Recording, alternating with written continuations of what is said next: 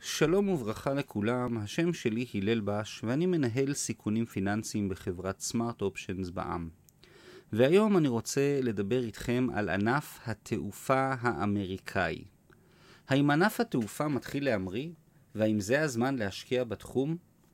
חברות התעופה עברו מרווחים של מיליארדי דולרים להפסדים של יותר מ-120 מיליארד דולר. עם היציאה מהקורונה כדאי להסתכל על הענף מקרוב. מהם מדדי הביצוע הייחודיים לענף זה? כיצד ניתן לנתחם ולמצוא תובנות בשלל הדיווחים הפיננסיים? ענף התעופה האזרחי הינו תחום מעניין ומרתק, העוסק בשינוע מהיר של אנשים ממקום למקום. ראוי לחלק את הענף לשני תתי קבוצות עיקריות, חברות תעופה רגילות עם שירות מלא, אתם מכירים אותם, כמו American Airlines, United, Delta וכולי. ולעומתם חברות תעופה מוזלות, ה-low cost, המתמקדות בעיקר בטיסה ופחות בשירותים שמסביב. אתם פחות מכירים אותם, Southwest, Alaska Air, אולי חלקכם פגשתם את EasyJet ואת Ryanair וכולי. חברות התעופה בארצות הברית ידעו עדנה רבה בעשורים האחרונים, והגיעו למספר שיא של כ-4.7 מיליארד נוסעים בשנת 2019.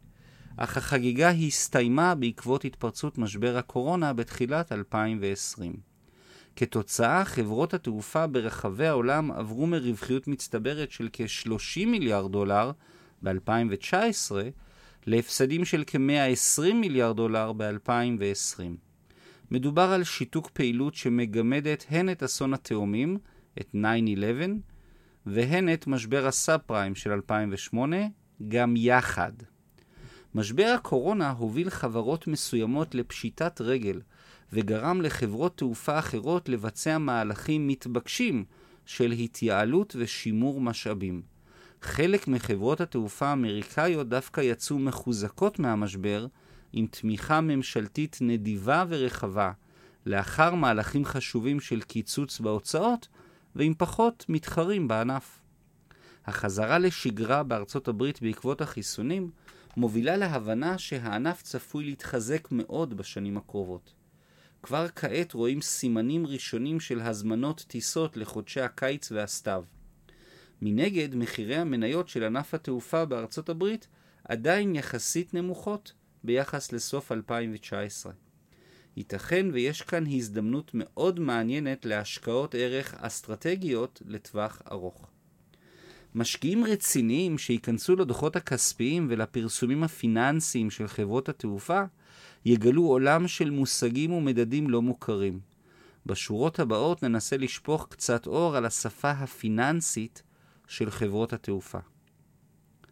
ASM Available Seat Miles מדד הבסיס לכל חברת תעופה מתחיל במספר בודד המגלם הן את מספר הכיסאות הנוסעים, בין אם הם מלאים או ריקים, והן את מרחקי הטיסה המצטברים. לצורך הדוגמה, אם במטוס ישנם 300 כיסאות נוסעים, והטיסה הינה למרחק של 100 מיילים, נאמר כי מדד ה-ASM, ה-Available Seat Miles, או מספר הכיסאות והמיילים הפנויים, שווה ל-30,000, היינו 300 כיסאות כפול 100 מיילים. כשמחברים את כל הטיסות של חברת התעופה על פני תקופה, למשל על פני שנה, מקבלים מדד ASM כולל. כך בשנת 2019 חברת דלתא הגיעה למדד ASM של כ-280 מיליארד. לאורך זמן, צמיחה עקבית במדד ה-ASM מורה על גידול מבורך בגודל המטוסים או בקווי התעופה או בשניהם. הגידול המבורך בקיבולת הינה סנונית ראשונית וחיובית בבחינה של השקעה בחברת התעופה. המדד הבא שלנו, RPM, Revenue Passenger Miles. כאן אנחנו מדברים בעצם על כיסאות של נוסעים שמשלמים ביחס למרחק, למיילים. בעוד מדד ה-ASM מתמקד בפוטנציאל האפשרי, מדד ה-RPM סוכם את מספר הכיסאות המלאים של לקוחות משלמים לאורך קווי התעופה השונים של החברה. אז אם נחזור לדוגמה הקודמת, אם רק 250 נוסעים יושבים במטוס עם 300 המושבים, והם טסים את אותם 100 מיילים, נאמר כי מדד ה-RPM, ה-Revenue Passenger Miles, RPM, שווה ל-25,000, שזה 250 כיסאות כפול 100 מיילים. כשמחברים את כל הכיסאות המלאים על פני כל הטיסות של חברת התעופה על פני תקופה, מקבלים מדד RPM כולל. בשנת 2019 חברת דלתא הגיעה למדד RPM של כ-240 מיליארד. לאורך זמן, צמיחה עקבית במדד ה-RPM מורה על גידול מבורך בהיקף הסחורה הנמכרת. יותר נוסעים על פני מרחקים יותר גדולים, יותר מיילים. המדד הבא, יחס העמסה, load factor. אם נחלק את מדד ה-RPM, כיסאות מלאים לכל קווי התעופה, במדד ה-ASM, כיסאות כוללים לכל קווי התעופה, נקבל את ה-load factor, את יחס העמסה, שמודד את ניצול הקיבולת האפשרית. המדד הינו אחוז הכיסאות המלאים בטיסות ביחס לכמות הכיסאות הכוללת. אם נמשיך עם המספרים של דלתא, הרי שמדד ה-load factor הינו 86% בקירוב, שזה 240 RPM לחלק ל-280 ASM. באופן כללי, מדד ה-load factor גבוה מבטא ניצול טוב יותר של הטיסה. חברת התעופה מילאה יותר כיסאות במטוס. בגלל מבנה העלויות הקשיח של טיסה, ישנה סבירות לא מבוטלת שכל כיסא נוסף שנמכר נותן תרומה ממשית לרווחיות. על כן מדד יחס העמסה, ה-load factor גבוה יותר, הינו מבורך ורצוי. כמו יחסים פיננסיים אחרים, חלוקה של ה-RPM ב-ASM מנטרלת את גורם המרחק. לכן יחס העמסה הינו מדד בר השוואה טוב, בין אם המרחק של חברת התעופה נמדד בקילומטרים, ובין אם המרחק נמדד במיילים. באופן כללי ראוי לציין כי מבנה ההכנסות של חברת תעופה קלאסית היא בעיקר דלק מטוסים, כוח אדם ותחזוקה. זה בעצם העלויות המשמעותיות שלהם. המטוסים עצמם הם יחסית זולים אם נסתכל על העלויות הגדולות הללו.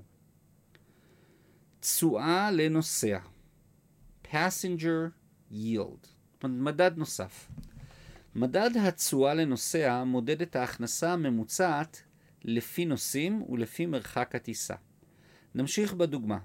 חברת דלתא השיגה הכנסות מכרטיסי נוסעים של כ-42 מיליארד דולר ארצות הברית בשנת 2019, וכאמור, וכאמור מדד ה-RPM הוא 240 מיליארד.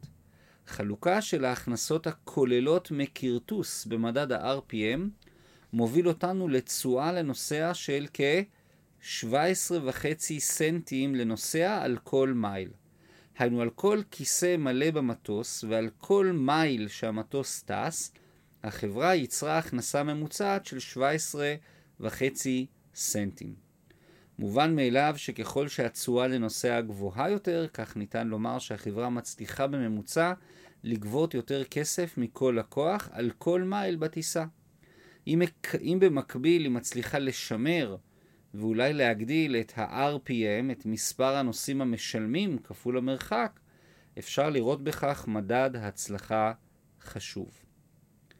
המדד האחרון שאני רוצה לדבר עליו הוא מדד ה-CASM, מדד ה-CASM, ה-Cost per Available Seat Mile.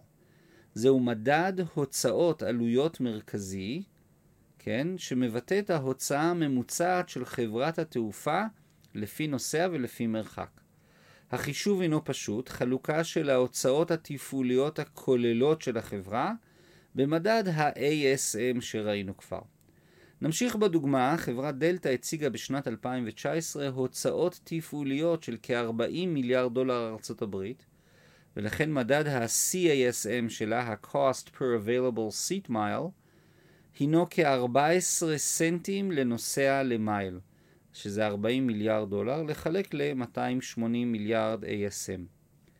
בחינה של המגמה המתמשכת של ה-CASM נותנת הבנה טובה במבנה ההוצאות של חברת התעופה. ירידה מתמשכת ב-CASM, ב-Cost per Available Seat Mile, על פני מספר תקופות, מבטא התייעלות טובה ומבורכת. מניות חברות התעופה האמריקאיות נמצאות במחירים מאוד נמוכים ביחס לסוף 2019. החזרה ההדרגתית לשגרה בזכות החיסונים צפויה להגדיל את הפעילות בענף בצורה משמעותית. בחינה מעמיקה של חברות התעופה דורשת הבנה ממשית בעולם המושגים הפיננסיים של הענף. הכרה בסיסית במושגים כמו ASM, RPM, Load Factor, Passenger Yield ו-CASM יעזרו להבנה מעמיקה יותר של ענף התעופה ולניתוח היתרונות התחרותיים של חברה אחת על פני רעותה. השם שלי הלל בש, אני מאוד מודה לכם על ההקשבה ומקווה לראותכם בפרק הבא. תודה רבה רבה, להתראות.